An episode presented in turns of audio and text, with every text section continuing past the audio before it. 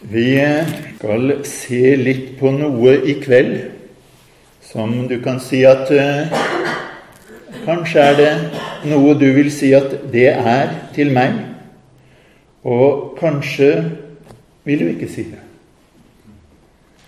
Men eh, det er enkelte ganger. Du vet eh, Hvis du kjører en bil så er du glad at den har et ratt, ikke sant? Det bruker du hele tiden. Du gjør det. Ja. Og så har den eh, bremser. De bruker du også hele tiden. Og så har du et sikkerhetsbelte. Det tar du på deg. Men bruker du det egentlig? Kollisjonspute der, bruker du den?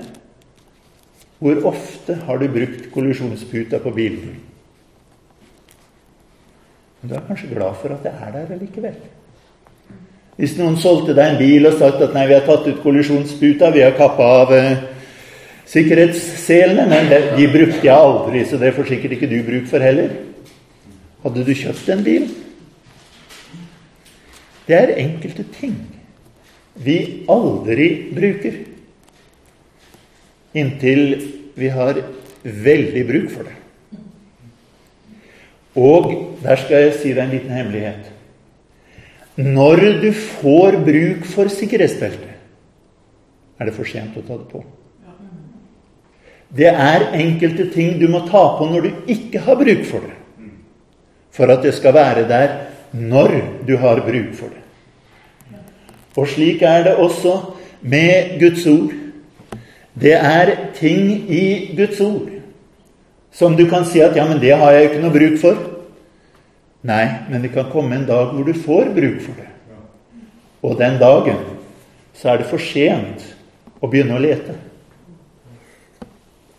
Da er det veldig greit om du har funnet fram det på forhånd, slik at det er der når du har bruk for det. Simon han, eh, han, prøvde å ta teksten min her et par ganger, men, men han avsluttet det han leste i salmen, med der hvor det står 'Jeg sa i min trygghet, aldri i evighet skal jeg rådes'. Har du vært der noen gang? Det hender vi sier ting i vår trygghet som vi til andre tider i vårt liv aldri ville sagt. Og det der kommer aldri til å skje med meg. Sånn kommer jeg aldri til å gjøre. Det der kunne jeg ikke tenkt meg engang. Men så kommer dagen. Så kommer dagen. Du ser på noen og sier at det de gjorde, det kunne aldri jeg tenkt meg å gjøre. Så kommer kanskje dagen hvor du er i nøyaktig samme situasjon som den de var i. Og du oppdager at du ender opp med å gjøre nøyaktig det samme som de gjorde. Det var ikke det at det var noe spesielt svakt eller dårlig med dem. Du opplever at situasjonen var kanskje litt annerledes for dem. Og da du var sterk, og da du var trygg, og da alt var bra, så kunne du komme med eh, flotte, fine ord. Men så kommer dagen hvor alt ikke er sånn. Og da er det at eh, det er litt andre ord vi trenger. Og vi skal lese litt ifra Jobb fra begynnelsen der. Og kanskje du vil kjenne at dette er noe for meg som jeg trenger akkurat nå. I så tilfelle så håper jeg du tar det til deg, og at det kan gjøre noe for deg. Men eh, hvis du ikke er i den situasjonen akkurat nå, at Jobbs bok ikke er for deg akkurat nå, så kan det komme en dag hvor du er der. Jobb var ikke den situasjonen at han levde i Jobbs bok hele tiden. Han hadde et liv før Jobbs bok. Da hadde han kanskje ikke noe særlig bruk for Jobbs bok. Men det kommer en tid. I mange menneskers liv kommer det en tid hvor det å se på jobb og lære ham er noe vi kan få noe ut av. Og nå skal vi ta og lese, og vi kan lese en del der fra begynnelsen. I landet Us var det en mann som het Jobb. Han var en uklanderlig og rettskaffen mann som fryktet Gud og holdt seg fra det onde. Han fikk sju sønner og tre døtre. Han eide 7000 sauer og 3000 kameler og 500 par okser og 500 eselhopper. Og han hadde en stor mengde tjenere. Han var mektigere enn alle Østens barn. Hans sønner pleide å holde gjestebud på hver sin dag i hvert sitt hus. Da sendte de bud til sine tre søstre og innbød dem til å komme og ete og drikke sammen med dem. Så ofte en slik omgang med gjestebud var over, sendte Jobb bud etter dem og helliget dem. Han sto tidlig opp om morgenen og ofret brennoffer, ett for hver av dem. For Jobb sa kanskje sønnene mine har syndet og sagt Gud farvel i sitt hjerte. Slik gjorde Jobb alltid. Så hendte det en dag at Guds sønner kom og stilte seg fram for Herren, og blant dem kom også Satan. Og Herren sa til Satan, Hvor kommer du fra? Satan svarte, Herren, jeg har fartet og flakket omkring på jorden. Da sa Herren til Satan, Har du gitt akt på min tjener Jobb? For det er ingen på jorden som han, en uklanderlig og rettskaffen mann som frykter Gud og holder seg fra det onde. Men Satan svarte Herren, Mon Jobb frykter Gud for intet? Har du ikke vernet om ham og hans hus og alt som hans er, på alle kanter? Hans henders gjerning har du velsignet, og buskapen hans har bredt seg vidt ut i landet. Men rekk bare din hånd ut og rør ved alt det som hans er. Da vil han forvisst si deg farvel like opp i ansiktet. Da sa Herren til Satan, se alt det han eier, er i din hånd, men mot ham selv må du ikke rekke ut din hånd. Så gikk Satan bort fra Herrens åsyn. Så hendte det en dag mens hans sønner og døtre åt og drakk vin i den eldste brorens hus. Da kom det et bud til jobb og sa, oksene pløyde og eselhoppene beitet tett ved. Da kom saberene over dem og tok dem. Tjenesteguttene hogg de ned med sverd. Jeg var den eneste som slapp unna, så jeg kunne melde deg det. Mens han ennå talte, kom en annen og sa, Guds ild for ned fra himmelen og rammet småfe og tjenesteguttene og brente dem opp. Jeg var den eneste som slapp unna, så jeg kunne melde deg det. Mens han ennå talte, kom en annen og sa, kalderene delte seg i tre flokker og overfalt kamelene og tok dem. Tjenesteguttene hogg de ned med sverd. Jeg var den eneste som slapp unna, så jeg kunne melde det. Mens han ennå talte, kom en annen og sa, dine sønner og døtre åt og drakk vin i den eldste brorens hus. Da kom det med en sterk storm fra den andre siden av ørkenen. De tok i, den tok tak i alle de fire hjørnene på huset, så det falt sammen over de unge menneskene, og de omkom. Jeg var den eneste som slapp unna, så jeg kunne melde det. Da reiste Jobb seg og flerret ytterkappen sin. Han klipte håret av hodet sitt og kastet seg ned på jorden og tilba, og sa, Naken kom jeg fra min mors liv, og naken skal jeg vende tilbake. Herren ga, Herren tok, Herrens navn være lovet. Under alt dette syndet ikke Jobb. Han lastet ikke Gud for det som hadde hendt. Så hendte det en dag at Guds sønner kom og stilte seg fram for Herren. Blant dem kom også Satan og stilte seg fram for Herren. Og Herren sa til Satan, 'Hvor kommer du fra?' Satan svarte Herren, 'Jeg har fartet og flakket omkring på jorden.' Da sa Herren til Satan, 'Har du gitt akt på min tjenerjobb?' For det er ingen på jorden som han, en uklanderlig og rettskaffen mann som frykter Gud og holder seg fra det onde. Ennå er han like uklanderlig. Uten grunn har du egget meg til å ødelegge ham. Men Satan svarte Herren, hud for hud, men alt en mann har, gir han for sitt liv. Rekk bare din hånd ut og rør ved hans ben og kjøtt. Da skal han forvisst si deg farvel like opp i ansiktet. Da sa Herren til Satan, se han er i din hånd, spar bare livet hans. Så gikk Satan bort fra Herrens åsyn, og han slo Jobb med smertefulle byller fra fotsålen til listen. Og Jobb tok seg et potteskår og skrapte seg med det, der han satt midt i asken. Da sa hans hustru til ham, Holder du deg like uklanderlig, si Gud farvel og dø. Men han svarte, Du taler som en av de ufornuftige kvinner. Skal vi bare ta imot det gode fra Gud, og ikke også det onde? Under alt dette syndet Jobb ikke med sine lepper. Da Jobbs tre venner fikk høre om all den ulykken som var kommet over ham, kom de fra hvert sitt hjemsted. Elifas fra Teman, Bildad fra Sjua og Sofar fra Naam. De ble enige med hverandre om å gå til ham for å vise ham medynk og trøste ham. Mens de var et stykke på avstand, så de opp, men de kjente ham ikke igjen. Da brast de gråt og flerret ytterkappene sine, og de kastet støv opp mot himmelen så det falt nedover jorden på dem. Så satt de hos han der på jorden i sju dager og sju netter. Ingen sa et ord til ham, for de så at hans pine var meget stor. Deretter åpnet Jobb sin munn og forbannet den dagen han ble født. Amen. Her er begynnelsen på historien om Jobb, slik den er gjengitt i Jobbs bok. Den går videre til det 42. kapittel, som vi hørte fra tidligere. Og mesteparten av del i midten, den er opptatt med at Jobb og hans venner snakker sammen om det. Og Jobb, som vi leste her, han åpnet sin munn etter at han først så leste vi han sa at Herren kom, Herren tok, Herrens navn være lovet. Neste gang så står det bare at han sa at eh, skal vi ikke ta imot det gode? Skal vi bare ta imot det gode fra Gud og ikke også det onde? Under alt dette syndet Jobb ikke med sine lepper. Men så kommer situasjonen. Jobb synder fortsatt ikke, for Herren sier på slutten til hans venner at dere har ikke talt rett om meg, slik som min kjenner Jobb. Men allikevel, han var kommet til bristepunktet. Han var kommet til der han ikke lenger klarte å, å bare sitte der og ikke si noe. Han hadde vært der det står i sju dager og sju netter, satt de der, og ingen sa et ord til ham, for de så at hans pine var meget stor. I en uke hadde han sittet der og ikke sagt noe som helst.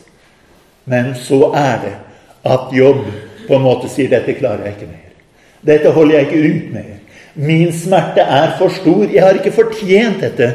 Hvorfor skjer dette med meg?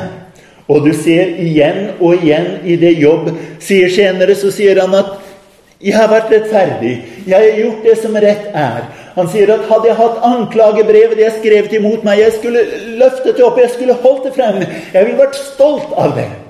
For jeg har ikke gjort noe galt. Jeg har levd rett. Jeg har gjort rett. Jeg har forsøkt mitt beste i alle ting. Hvorfor får jeg oppleve det som jeg opplever her? Og kanskje er du i en situasjon hvor du sier at 'Hvorfor skjer det her med meg?' Og om du ikke er det, kanskje kommer du en dag i en slik situasjon. Og det er til de som er eller kan komme i en slik situasjon, at jeg ville si noe her i kveld. Hvem var Jobb? Begynner her med at Ilaneus var det en mann som het Jobb. Det var jo en veldig grei beskrivelse. Ilaneus var det en mann som het Jobb. Ikke noe spesielt med det. I Rakkestad kommune bor det en mann som heter Geir André. Ikke noe spesielt med det heller. På Vinstra så bor det en mann som heter Ole Rydland. Og bor en annen som heter Gunnar Rydland. Og en som heter Helge Auli. Det, det, det, er mange som bor her. Det var ikke noe spesielt med det for så vidt. En helt vanlig mann.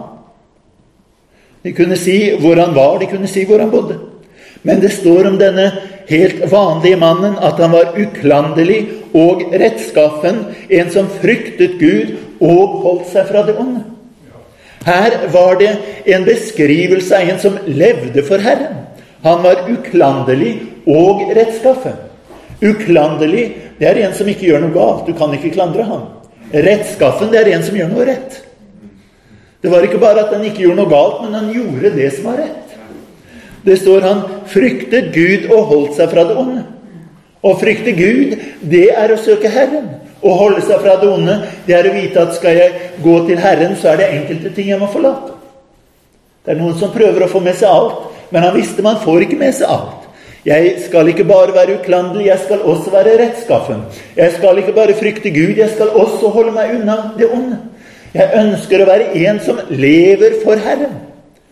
Og dette var ikke noe som bare Jobb sa eller vennene hans sa. Men Herren sier det samme i vers 8. Har du gitt akt på min tjenerjobb?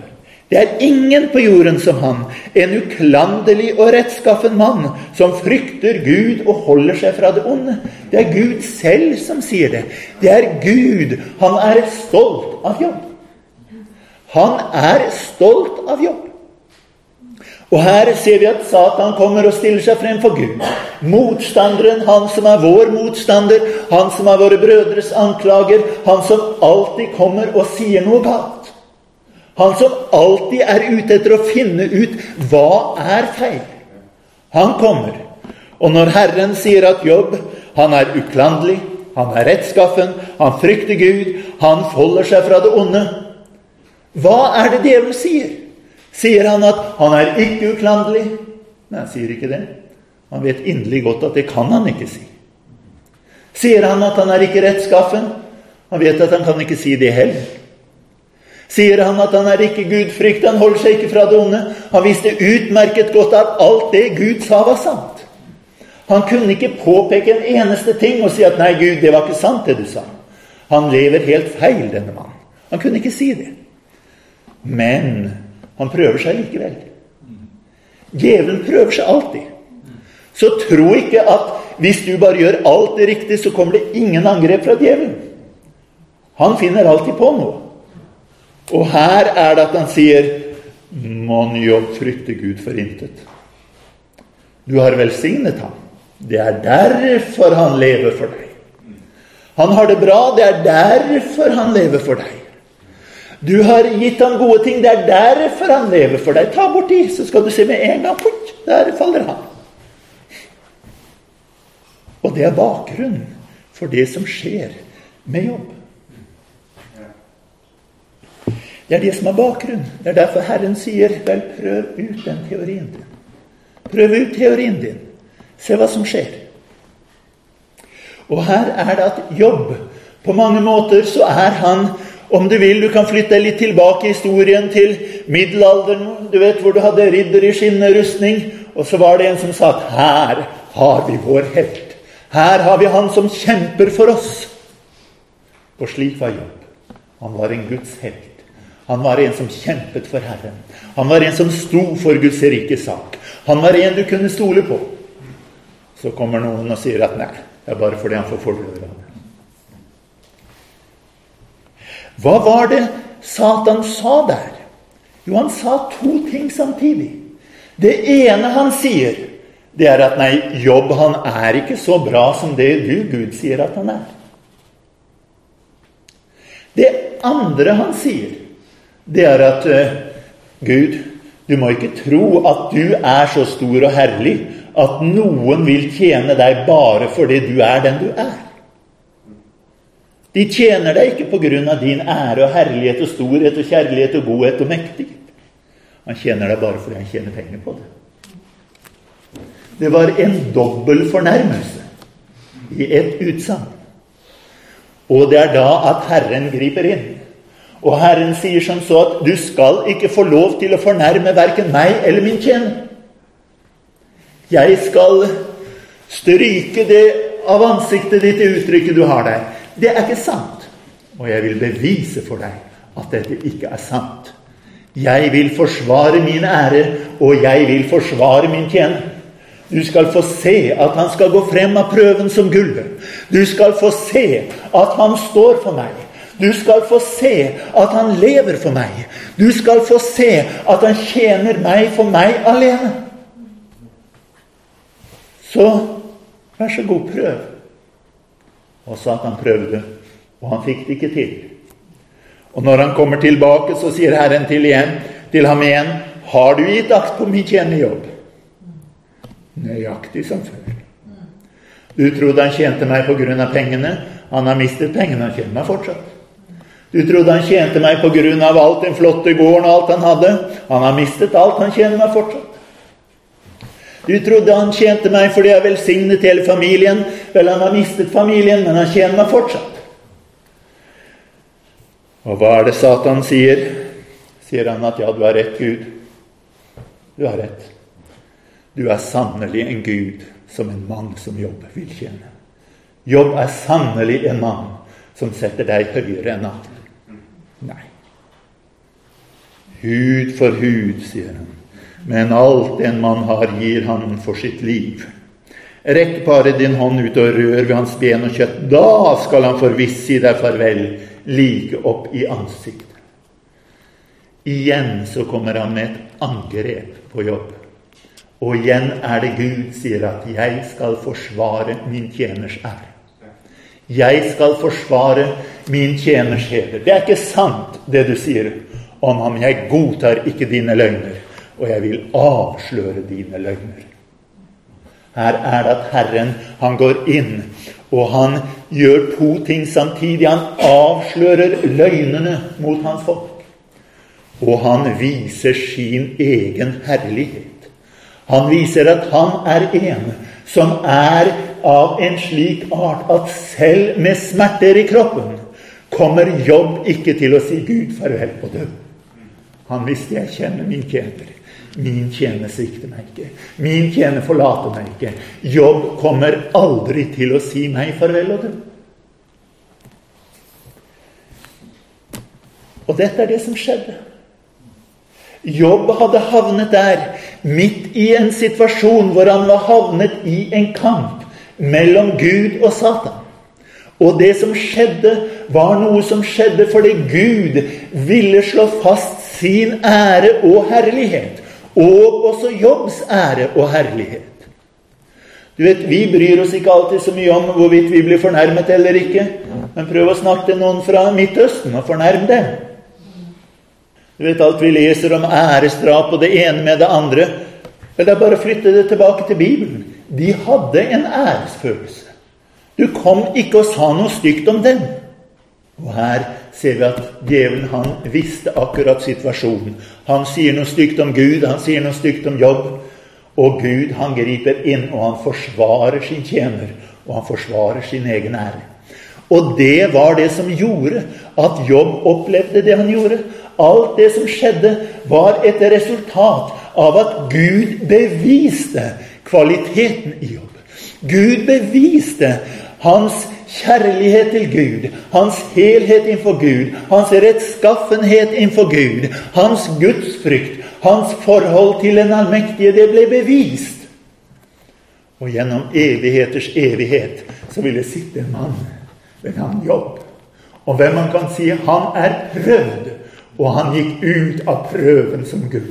Han ble prøvd, og det ble bevist at ingen av anklagene er sanne. I evighet vil Jobb kunne sitte der og tenke ja, den prøven jeg gikk igjennom, den var kortvarig og lett. Den, den føltes ikke kortvarig så lenge den varte. En prøve er alltid altfor lang. Har du noen gang opplevd en prøvelse hvor du mens prøvelsen pågår, sier at 'denne prøvelsen har ikke vært lenge nok ennå, jeg håper den varer litt til'.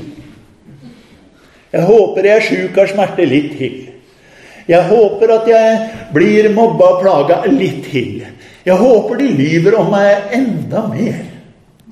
Altså, du, du sier ikke det. Mens det pågår, så ønsker du bare at det skal bli slutt. Men når det er ferdig, så kan det være at du sier 'det var verdt det'. Det var verdt det. For det skjedde noe i mitt liv da dette skjedde. Det ble så klart at det er noe som er mer verdt. Det er så klart at det er noe som er større. Før var jeg så opptatt med det overflatiske, før var jeg så opptatt med det utvendige. Før var jeg så opptatt med liksom alt som føltes godt. Men når dette skjedde, så skjedde det noe i mitt liv. Jeg er blitt prøvet. Jeg er blitt bedre som et resultat av at jeg er blitt prøvet.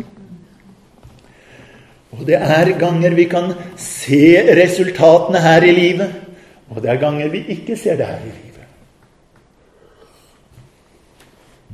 Det blir fortalt om noen martyrer i den tiden man ble brent for sin tros skyld i Storbritannia så var det noen som ble ført ut, og den ene skulle opp på bålet. Og de som sto igjen, de sa til ham at dersom, dersom dette er mulig å holde ut, kan du gi oss et tegn. Og flammene slikket opp og brant rundt ham, og der, mens alle trodde han var død, så så vi to hender som kom opp. Herren var med. Han fikk ikke fortalt det til noen. Men han klarte å gi beskjed. Herren er med. Og de som sto der og visste at det blir vår tur neste gang, de visste det er en Gud som er med til siste stund. Men det er ikke alltid vi får oppleve hva som skjer. Det er ikke alltid vi i dette livet skjønner hva som skjer. Og det som jeg ønsker å fortelle deg her i dag, det er at disse to kapitlene som vi har lest i Jobbs bok, de leste aldri Jobb. Jobb har ikke lest dem. Jobb visste ikke hva som skjedde.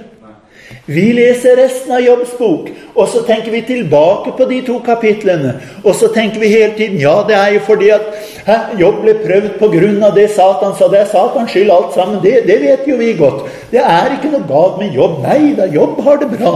Det er bra med Jobb. Det, det er Satans skyld alt sammen. Det er han som er kjeltringen. Det, det, er bare Du var ikke lei deg, Jobb. Dette går bra. Ja, for vi har lest de to første kapitlene. Hvordan ville Jobbs bok vært hvis du ikke hadde lest de kapitlene? Hvis du ikke hadde lest om hva som foregikk oppe i himmelen? Hvordan hadde Jobbs bok vært da? For Jobb visste ikke det her. Og vi vet ikke om han noen gang fikk vite det. Jeg vet ikke hvem som har skrevet Jobbs bok. Men om Jobb skrev den selv, så er det først i ettertid han fikk vite det. Men det er slett ikke sikkert at det var Jobb som skrev Jobbs bok. Mange mener det var Moses, noen mener det kanskje var noen annen. Men en eller annen hadde fått vite det, hadde fått åpenbaring om det som hadde skjedd. Men Jobb selv hadde ikke denne åpenbaringen. Ikke ett sted så sier Jobb noe som så at ja, men Herre, er det ikke nok med, med det som du lar Satan få prøve meg? Har jeg ikke kommet gjennom det nå? Ikke ett sted sier han det. Han vet ikke om hva som skjedde. Og når vi leser Jobbs bok, så er ikke Jobbs bok så ille. Fordi vi har lest de første to kapitlene. Så vi, vi, leser det der med fasiten, og så leser vi hvordan Jobb snakker, og så leser vi hvordan vennene snakker. Og så tenker vi at ja, ja, de, de har ikke skjønt mye, de der. De har jo ikke helt fått med seg hva som skjedde. Altså, Jobb, du har ikke skjønt hva som har skjedd, og dere venner, dere skjønner jo enda mindre. Dere har ikke skjønt noen ting. Det som har skjedd, det er jo dette. Ja, Men Jobb vet det ikke. Jobb vet ikke. Og hvis du kommer i et problem, så vet heller ikke du hva som har skjedd. For du har aldri lest det første kapitlet i din bok. Vet Ole har skrevet en bok om sitt liv. Det står mye i den boken. Men det mangler et første kapittel.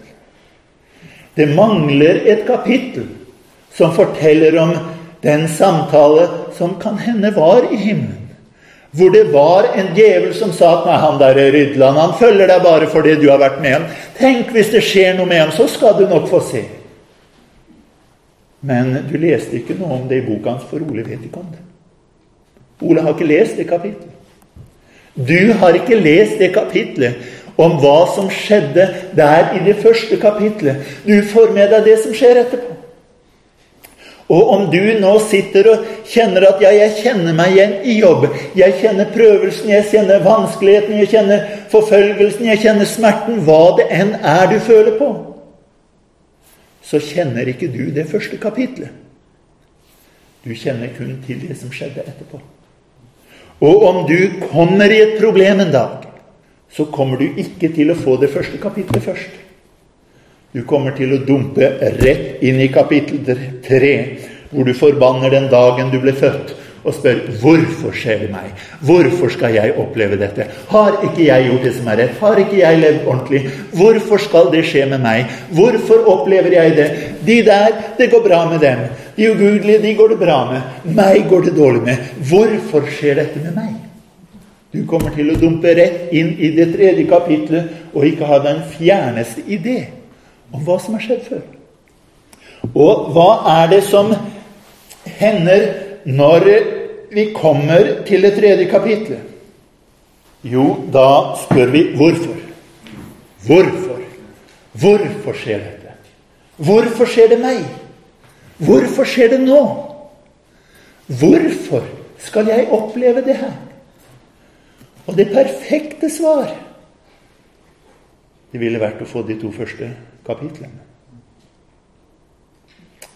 Men det får du ikke. Jobb fikk det ikke. Men Jobb fikk et svar. Jobb fikk et svar. Hvis du går til kapittel 38 Vi hopper over alle de kapitlene hvor de snakker fram og tilbake. Så kommer vi til kapittel 38. Jobb har hatt sine 'hvorfor', 'hvorfor skjer det med meg', 'hvorfor skjer dette', 'hvorfor får jeg opplevde det', 'hva har jeg gjort for å fortjene dette her'? Så får han svar ifra Herren. Det er fantastisk. Men la oss lese svaret.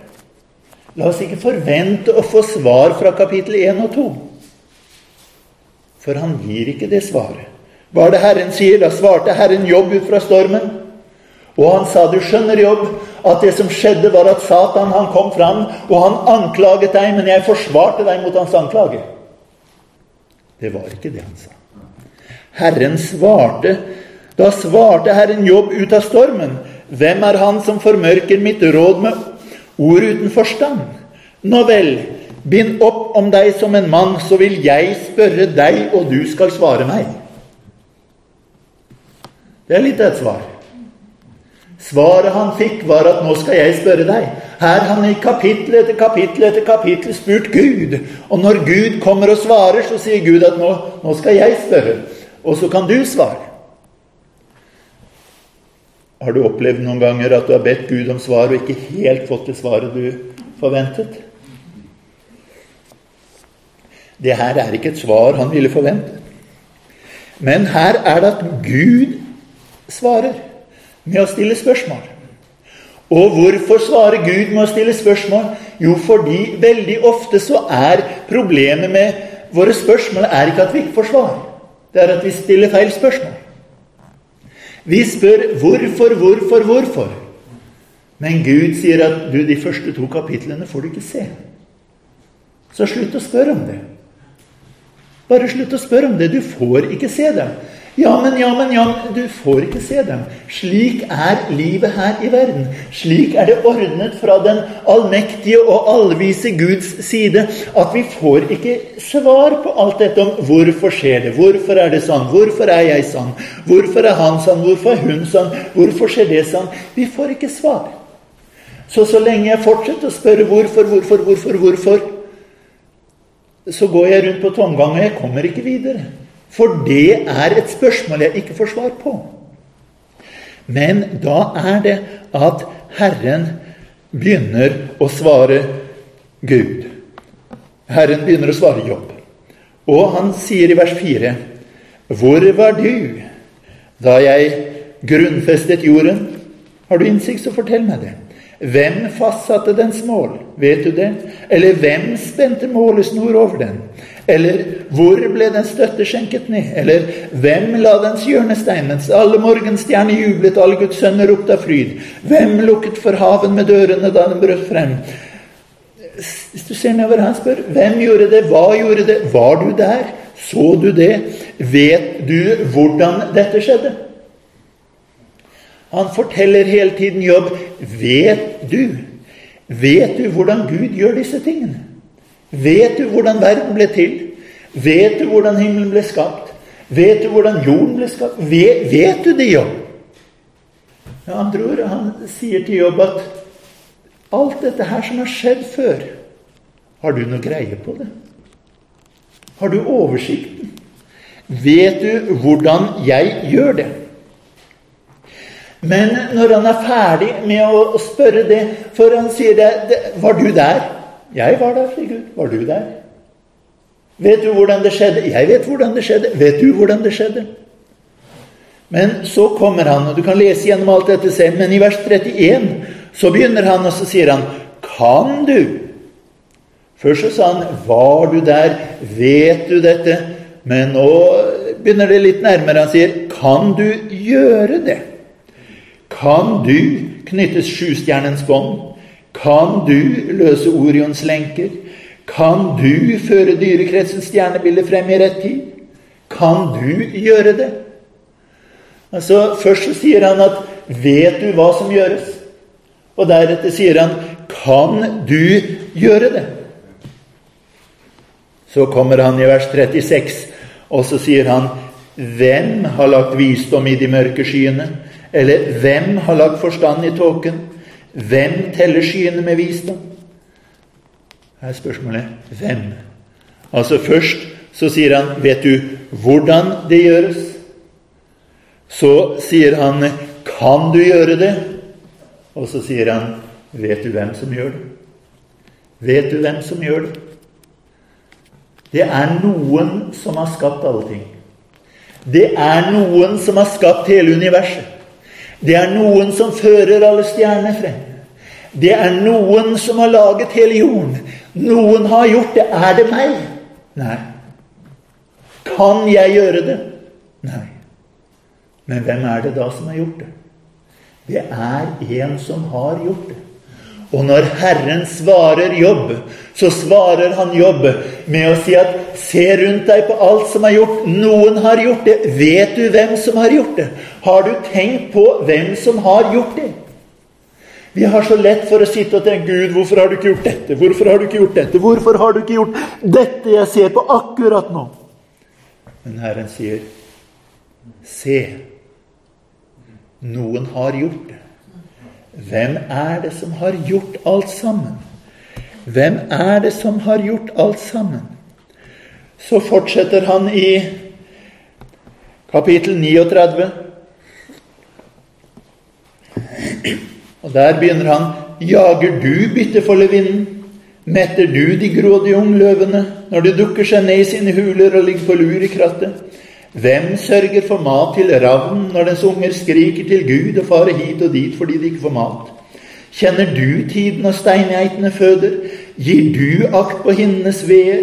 Teller du månene til de skal bære? Vet du tiden når de føder? Her tar han for seg og fortsetter nedover. Han snakker om ravner, han snakker om løver, han snakker om steingeiter, han snakker om villesler, han snakker om villoksen, han snakker om strutsen, han snakker om alle disse forskjellige tingene. Og så sier han at det skjer noe med alle sammen. Noen holder oversikten. Vet du når steingeiten blir drektig? Vet du hvor lenge hun er drektig? Vet du når hun føder? Vet du når det skjer? Og Herren sier at 'jeg vet når det skjer'. Jeg er der når det skjer. Jeg vet når ravnen unnfanger. Jeg vet når den legger egg. Jeg vet når eggene klekkes. Jeg vet når ravnungene er sultne. Og ravnunger roper, synger vi en sang, og du gir dem mette. Herren sier, 'Jeg er der.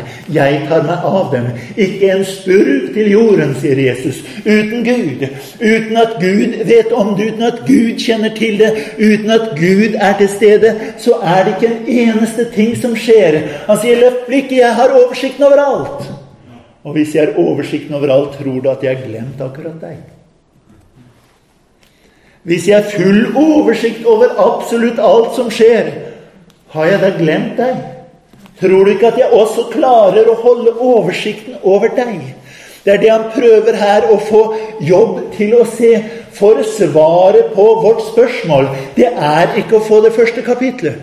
Svaret på vårt spørsmål, det er å begynne å forstå hvem Gud er hvem Gud er. For alt som har med jobb å gjøre, det er en sak at jobb Han er Herrens tjener. Han står på Herrens side. Han er en som Gud regner med. Og så er det at Gud sier 'fordi jeg regner med, det, med deg', 'fordi jeg tror på deg', 'fordi jeg stoler på deg', så er jeg med deg gjennom tykt og tynt. Så er jeg med deg gjennom godt og ondt. Så er jeg med deg i gode og onde dager. Jeg er der alltid. Men det kan være du går gjennom onde dager. Det kan være du går gjennom problemer for at mitt navn skal bli æret i ditt liv, for at du skal stå frem som en seierherre, for at det skal vises for makter og myndigheter at her finnes det en Gud, og det finnes et folk som er Herren til sin Gud, og som lever for ham. Det er det som det dreier seg om. Det finnes en Gud som er herligere enn alle, større enn alle, mektigere enn alle, som er i stand til å gjøre mer enn alt, langt utover hva vi fatter og forstår og ber ham om. En Gud som har all makt i himmel og på jord. En Gud som aldri må bakke tilbake for noe som helst, men en Gud som vinner overalt. Og så finnes det et folk, et folk som hører Herren til. Et folk som er tent i brann av ham. Et folk som er fylt av ham. Et folk som er kjøpt av ham. Et folk som er tilgitt av ham. Et folk som er omhegnet av ham. Et folk som han fra evighet har sett seg ut. Og dette folket, det står ved Herrens side. Og så finnes det en motstander som sier at 'jeg vil gå imot Guds ære', 'jeg vil gå imot Guds herlighet', 'jeg vil gå imot Guds storhet', og 'jeg vil gå imot Guds folk'. Og Herren sier som så at 'men i alt dette, i alt dette vinner mitt folk mer enn seier' ved Han som elsket henne. I alt dette så blir mitt folk stående frem. Når alt er over, så blir en som stående der for han sier at 'jeg vet at min gjenløse lever', sier Jobb. 'Jeg vet at min gjenløse lever', og som den siste skal han stå frem på støvet. Det kommer en dag hvor alt faller i støv. Men hvem er det som står igjen da? Han sier 'min gjenløser står igjen da'. Min gjenløser står igjen da. Du vet, I Det gamle testamentet så var det sånn at det hendte folk de, de, slapp opp for penger, de var i gjeld, og så til slutt så ble de solgt som slave. Og de måtte selge seg som slave for å dekke gjelda si. Man kunne ikke bare gå konkurs den gangen du ble slave i stedet.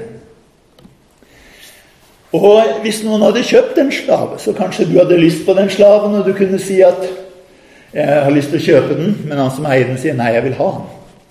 Han skal få være slave resten av livet. Da lå du litt tynt an. Men så fantes det noe som kaltes en løser. Og denne løseren, han hadde plikt på seg til å kjøpe ut slaven. Men ikke bare det. Han hadde rett til å kjøpe den slaven. Så han kunne komme og si at 'vær så god, her er pengene, her er betaling, jeg tar med meg slaven'. Slaveeieren kunne si at 'nei, du får den ikke'. Løseren 'jeg tror ikke du har fått med deg situasjonen'. Jeg er løser. Jeg kjøper denne slaven. Og når jeg sier at 'jeg kjøper han', så kjøper jeg han. Og intet du sier, gjelder imot det. Her er pengene. Gi han til meg. Ingen kunne si nei til en løser. Ingen kunne si nei til en løser. Og Jobb han styrer der, og så sier han 'Jeg vet'. Jeg vet at min gjenløse lever. Er ikke alle dine løsere døde? Nei, et sted så er min gjenløser.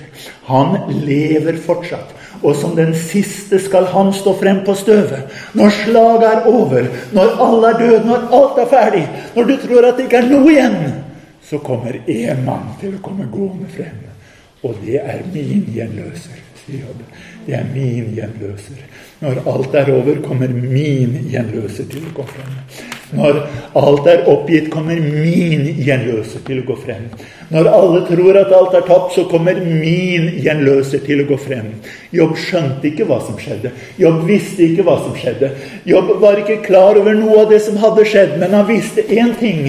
Jeg tjener en levende Gud, og som den siste kommer han til å stå frem. Og når han står frem, så kommer han til å si at jobb. Han er min. Han er min. Send til meg. Og hvem det enn er, om det er sykdommer, om det er problemer, om det er djevler av alle slag som forsøker å holde den tilbake, så vil gjenløseren bare si at ham hit. Jeg har betalt prisen. Full pris er betalt. Jeg benytter meg av min rett. La meg få ham. Han er ikke lenger en slave. Han er fri for jeg er hans gjenløser. Gud, han er den som har skapt alle ting. Han har gjort alle ting.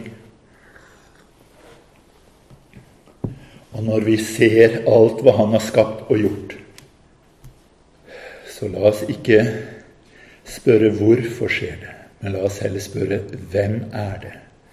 Hvem er det vi kan få lov til å se opp til. I kapittel 42 så står det da svarte Jobb Herren.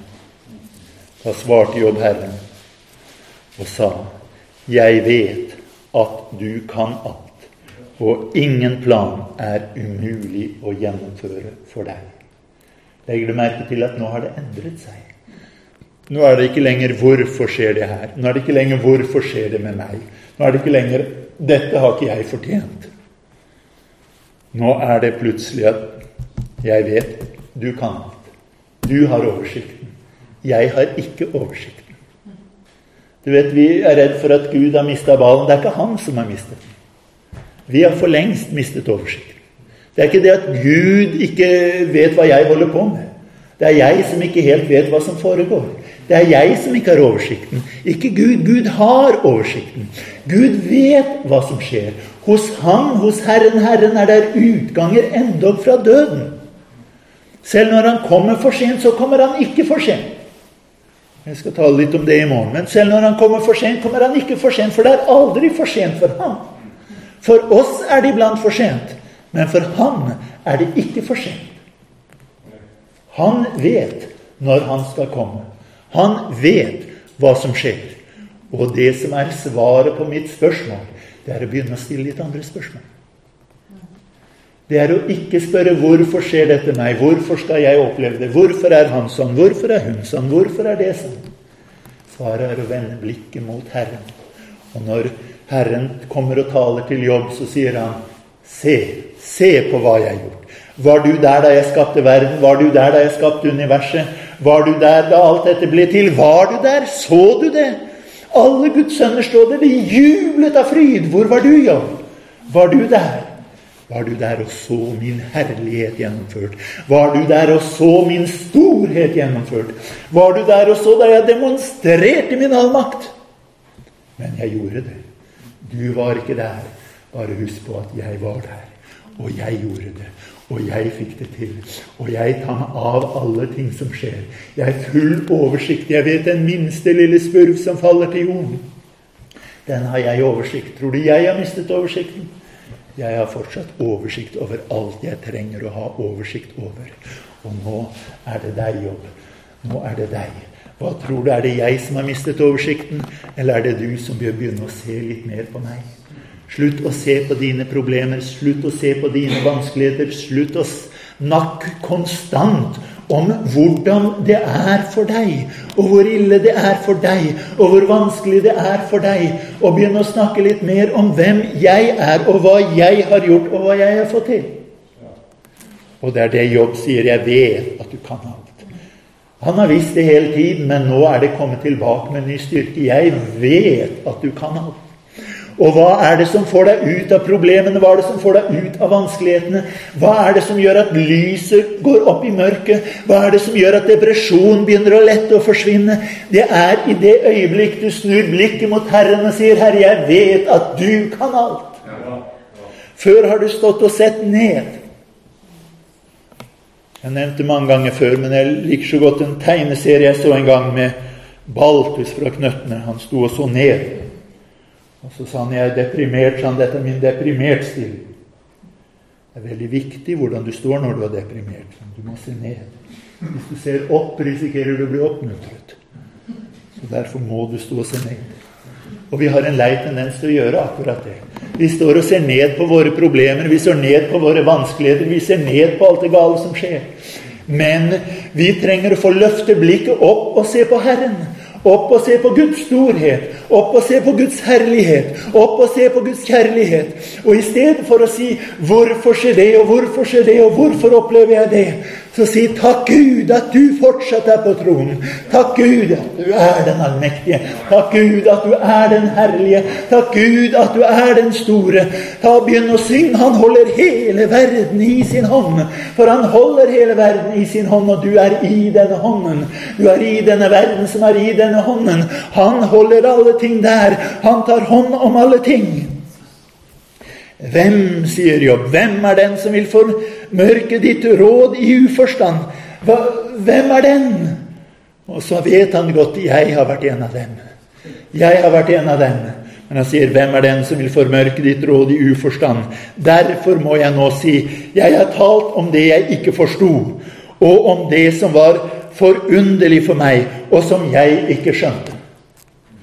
Og iblant så er det på tide vi innrømmer det at 'jeg skjønner det ikke'. Ja, men jeg vet ikke hvorfor. Nei, riktig, du vet ikke hvorfor. Da er det på tide å innrømme det. Jeg, jeg skjønner ikke det her. For jeg har ikke lest de første to kapitlene.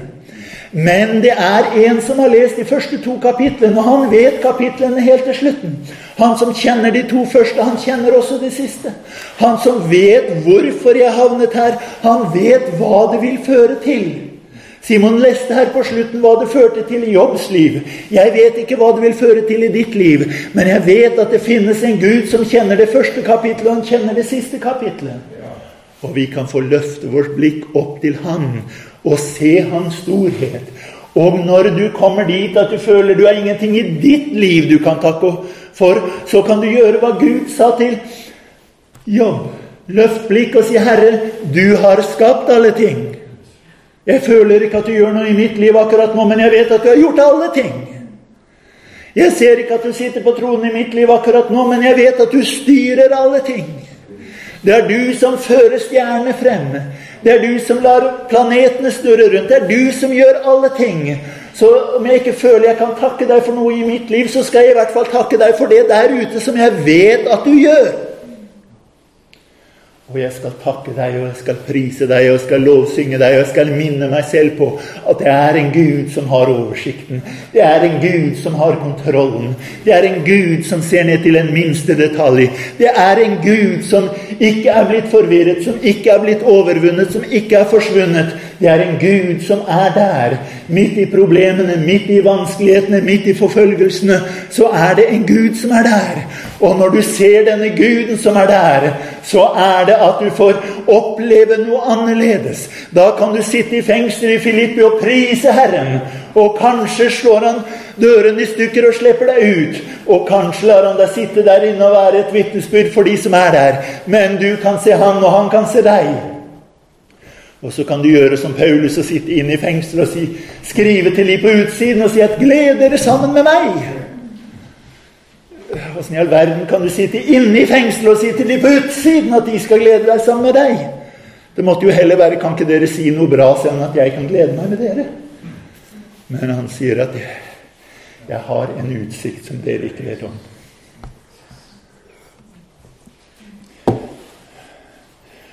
Da vi hadde hytta på Hvaler, så traff min far en mann en gang, og så sa han til ham som så at ja, sa han, jeg når jeg ikke kunne få hytte rett ved sjøen, så er jeg i hvert fall glad for at jeg fikk det. Så jeg har utsikt over sjøen. Det han ikke visste, var at denne mannen han hadde hytte midt inne i skauen. Og han hadde vel hørt det der med utsikt en del ganger før. Så han svarte nei. Så når jeg ser opp, så ser jeg like langt, jeg, som alle andre. Men det er en dyp sannhet i det. Om du sitter i det mørkeste fangehull som Paulus, så kan han si at ja, 'jeg ser ikke på veggene', 'jeg ser ikke på gitteret', 'jeg ser ikke på kjettingen'. Jeg ser oppover. Og når jeg ser opp til Herren, så ser jeg Herren like godt, jeg, som det dere andre gjør. Herren er like synlig for meg som den er for dere på utsiden. Herren er like herlig for meg på innsiden som han er for dere på utsiden. Herren er like stor. Og det er det vi kan få vite. I våre trengsler er Herren like stor som det han er ellers. I våre problemer er Herren like stor. Han holder fortsatt hele verden i sin hånd. Han er like stor. I forfølgelser er han like stor. I din sorg så er han like stor. Kanskje har noen dødd, kanskje har noen gått i stykker, kanskje føler du at ditt liv er knust, men vit at Gud, han er like stor der i ditt hjerteknuste fengsel som det han er på utsiden. Om du er i depresjoner, om du er i vanskeligheter, hvem blikket mot han, for han er like stor fortsatt. Han er like herlig fortsatt. Bare det ryktet hørte, ryktet meldte, har jeg hørt om deg, sier han. Bare det ryktet meldte, hadde jeg hørt om deg, men nå har mine øyne sett deg. Nå har mine øyne sett deg. Og iblant så er det først når vi har gått igjennom problemene, at vi kan si 'Nå har mine øyne sett deg'. Da Jobb svarte, sa dette at 'nå har mine øyne sett deg', så eh, var han fortsatt like sjuk. Så var han fortsatt like fattig. Så var han fortsatt like uten familie. Men allikevel så var det noe som skjedde. Han sier, 'Gud, Nå har jeg sett deg. Jeg trekker alt tilbake. Jeg angrer i støvvasken. Nå har jeg fått sett deg. Hva mener du, Jobb? Du har sett du har like mange byller. Ja, men nå har jeg byller, og jeg har sett ham. Du er like fattig. Ja, men nå er jeg fattig, og jeg har sett ham. Du har like mange smerter. Ja, jeg har smerter, men jeg ser ham. Du har like stor katastrofe bak deg. Ja, ja jeg har det, men nå, nå har jeg sett ham. Amen. Kjære Gud og Far. Herre Jesus. Takk for ditt ord, Herre. Takk at du har gitt oss ord som gjelder i alle tider, Herre. Som gjelder i alle ting. Å, kjære Gud og Far. Jeg ber om at dette ordet, Herre Jesus, må komme inn i et hjerte som trenger det, Herre. Å, Herre, et hjerte som trenger det nå. Eller et hjerte som trenger det i fremtiden. Kjære Gud og Far, for når problemene kommer, så kan det være for sent å forsøke å gripe tak i noe som skal berge oss og holde oss oppe. Derfor ber jeg deg, Herre, at ordet om din tjener Jobb, om hva han opplevde, og om hva du hjalp ham til å se, at det kan komme inn i våre hjerter, og at det kan få bli i våre hjerter. Og når problemer kommer, når vanskeligheter kommer, når depresjon og sorg og nederlag kommer, at vi kan løfte vårt blikk oppover for å se deg og for å høre deg og for å få oppleve deg i all din storhet. Jeg ber deg, Herre, for navnet ditt skyld. For navnet ditt skyld. Amen.